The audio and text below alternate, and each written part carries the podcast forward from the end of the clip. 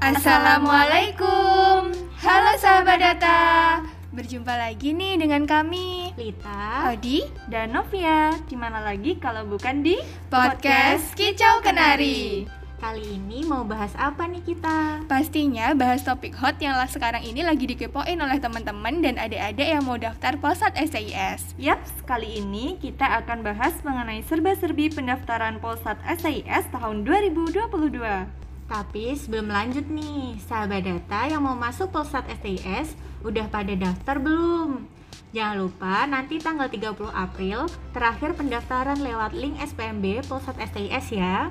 Dan bagi yang udah daftar, cus kalian bisa dengerin podcast kita di bulan Oktober kemarin. Di situ kita sempat bahas gambaran-gambaran tes masuk Polsat STIS di tahun 2017. Bahas mulai dari mana dulu nih Besti? Gimana kalau bahasnya per poin-poin pentingnya dulu nih kak? Oke deh Yang pertama, berapa sih jumlah mahasiswa ikatan dinas yang diterima tahun ini? Pada tahun ini, jumlah mahasiswa baru Ikatan Dinas yang diterima totalnya sebanyak 500 orang, termasuk 10 orang program afirmasi wilayah khusus yaitu Papua dan Papua Barat. Balik lagi ke yang tadi ya, dari 500 orang itu dibagi menjadi 100 orang untuk program D3 Statistika, 250 orang untuk program D4 Statistika, dan sisanya untuk program D4 Komputasi Statistik yaitu sebanyak 150 orang. Nah, nantinya lulusan Polstat STIS akan diangkat sebagai calon aparatur sipil negara atau ASN di BPS yang bertempat di seluruh wilayah Indonesia sampai tingkat kabupaten atau kota. By the way, kemarin saat BPS Kota Blitar ngadain sosialisasi seputar STIS, ada yang bertanya-tanya nih, sebenarnya berapa sih gaji pegawai BPS itu? Jadi, lulusan program studi statistika program diploma 3 atau D3 akan diangkat sebagai statistisi terampil dengan golongan 2C. Sedangkan program studi statistika dan komputasi statistik program diploma 4 atau D4 akan diangkat sebagai statistisi ahli pertama dengan golongan 3A. Nah, berapa besaran pasti angka dari golongan 2A dan 3C? Bisa sahabat data cari tahu lewat Google sendiri deh. Yang pasti udah cukup lah disebut sebagai menantu idaman mertua. Eh.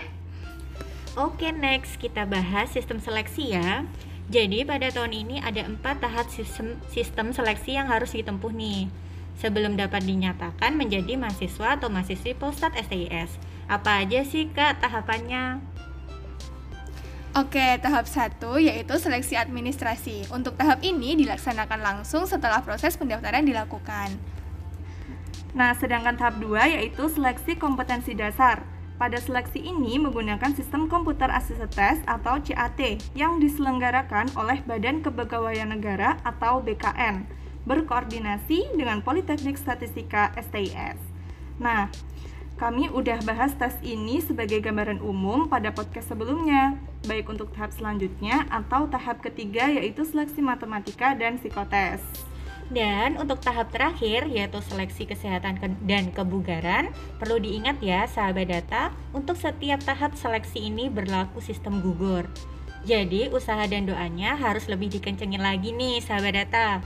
Pokoknya jangan sampai kendor sampai benar-benar udah bisa lolos di keempat tahapan seleksinya. Sekarang kita masuk ke pembahasan persyaratan seleksi. Jadi ada dua nih persyaratan seleksi umum dan persyaratan seleksi khusus, yaitu program afirmasi. Untuk persyaratan umum, ini agak panjang nih poin-poinnya. Sahabat data bisa siap-siap untuk mencatat ya.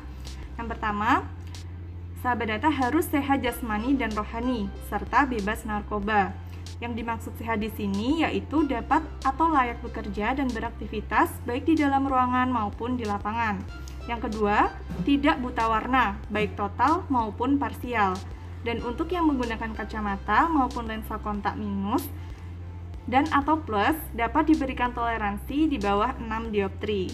Yang ketiga, seleksi ini hanya dapat diikuti oleh lulusan atau siswa kelas 12 SMA atau MA, peminatan MIPA atau IPS, dan siswa SMK atau MAK, peminatan teknik komputer dan informatika. Selanjutnya, untuk persyaratan nilai yaitu pada nilai matematika kelompok S atau umum dan bahasa Inggris minimal 80 di skala 1 sampai dengan 100 atau 3,2 di skala 1 sampai dengan 4 pada ijazah atau nilai rapor semester gasal kelas 12. Syarat selanjutnya, batasan usia pendaftar yaitu minimal 16 tahun dan maksimal 22 tahun per 1 September 2022.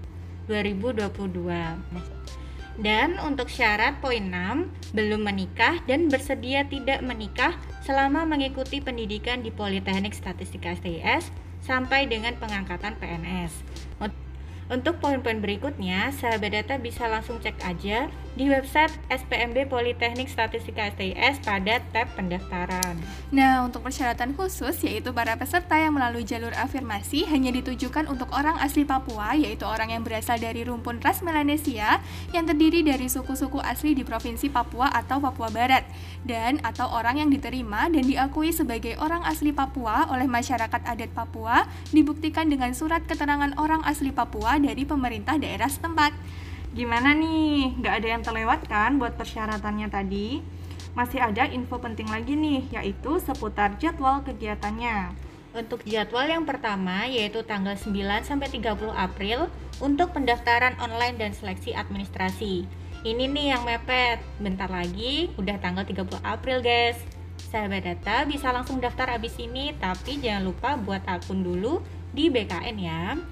Yang untuk jadwal kedua langsung masuk tes tahap satunya yaitu seleksi kompetensi dasar tanggal 23 Mei sampai 7 Juni 2022. Jadwal tes tahap pertama masih bersifat tentatif ya teman-teman.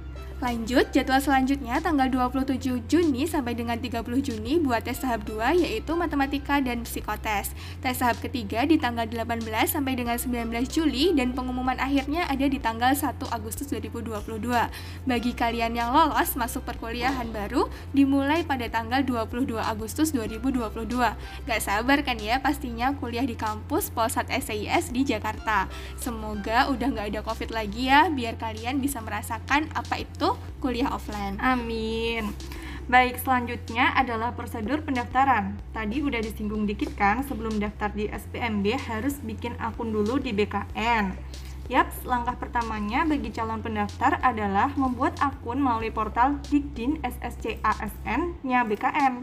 Sebelumnya, teman-teman harus menyiapkan dokumen seperti pas foto, kartu identitas seperti KTP atau KIA, kartu keluarga, akte kelahiran, ijazah, dan transkrip nilai atau rapor kelas 12 semester ganjil.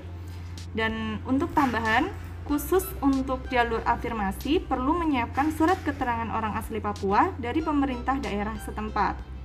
Pada akun SSCASN BKN tadi, teman-teman bisa memilih sekolah kedinasan Polstat STIS dan mengupload berkas-berkas yang diperlukan.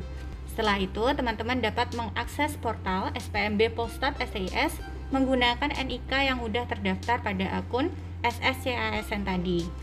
Selanjutnya, lakukan verifikasi email, lengkapi data dokumen, menunggu seleksi administrasi, melakukan pembayaran, mengunggah bukti pembayaran, mencetak kartu peserta, dan selesai. Tinggal menuju ujian pada tanggal yang telah ditentukan. Baik, untuk biaya pendaftaran, ujian masuk Polsat SIS adalah sebesar Rp300.000. Biaya ini sudah termasuk biaya pelaksanaan SKD, tetapi untuk biaya administrasi ditanggung oleh masing-masing peserta ya. Nah, untuk informasi lebih lanjut tentang pembayaran, sahabat data dapat mengaksesnya pada s.sis.ac.id slash pembayaran PMB ya. Eits, ada informasi penting nih. Ingat ya, sahabat data, Politeknik Statistika STIS tidak menyelenggarakan dan tidak bekerja sama dengan bimbingan belajar mana pun. Jadi, sahabat data harus berhati-hati dengan penipuan yang mengatasnamakan Polsat STIS maupun Badan Pusat Statistik. Jadi, jika teman-teman ingin belajar, bisa membeli buku latihan soal entah official dari Koperasi Mahasiswa STIS yang berupa e-book atau membeli di platform online lainnya. Informa Informasi yang kedua, ada yang baru nih dari pendaftaran tahun ini dibandingkan tahun-tahun sebelumnya. Pendaftaran tahun ini, calon mahasiswa dapat memilih penempatan CPNS berdasarkan provinsi dan program studi yang sesuai terlebih dahulu. Wow banget kan? Buat daftar alokasinya, kalian bisa melihat di website SPMB Posat SIS. Yaps, yang paling ngagetin emang yang paling terakhir tadi sih ya.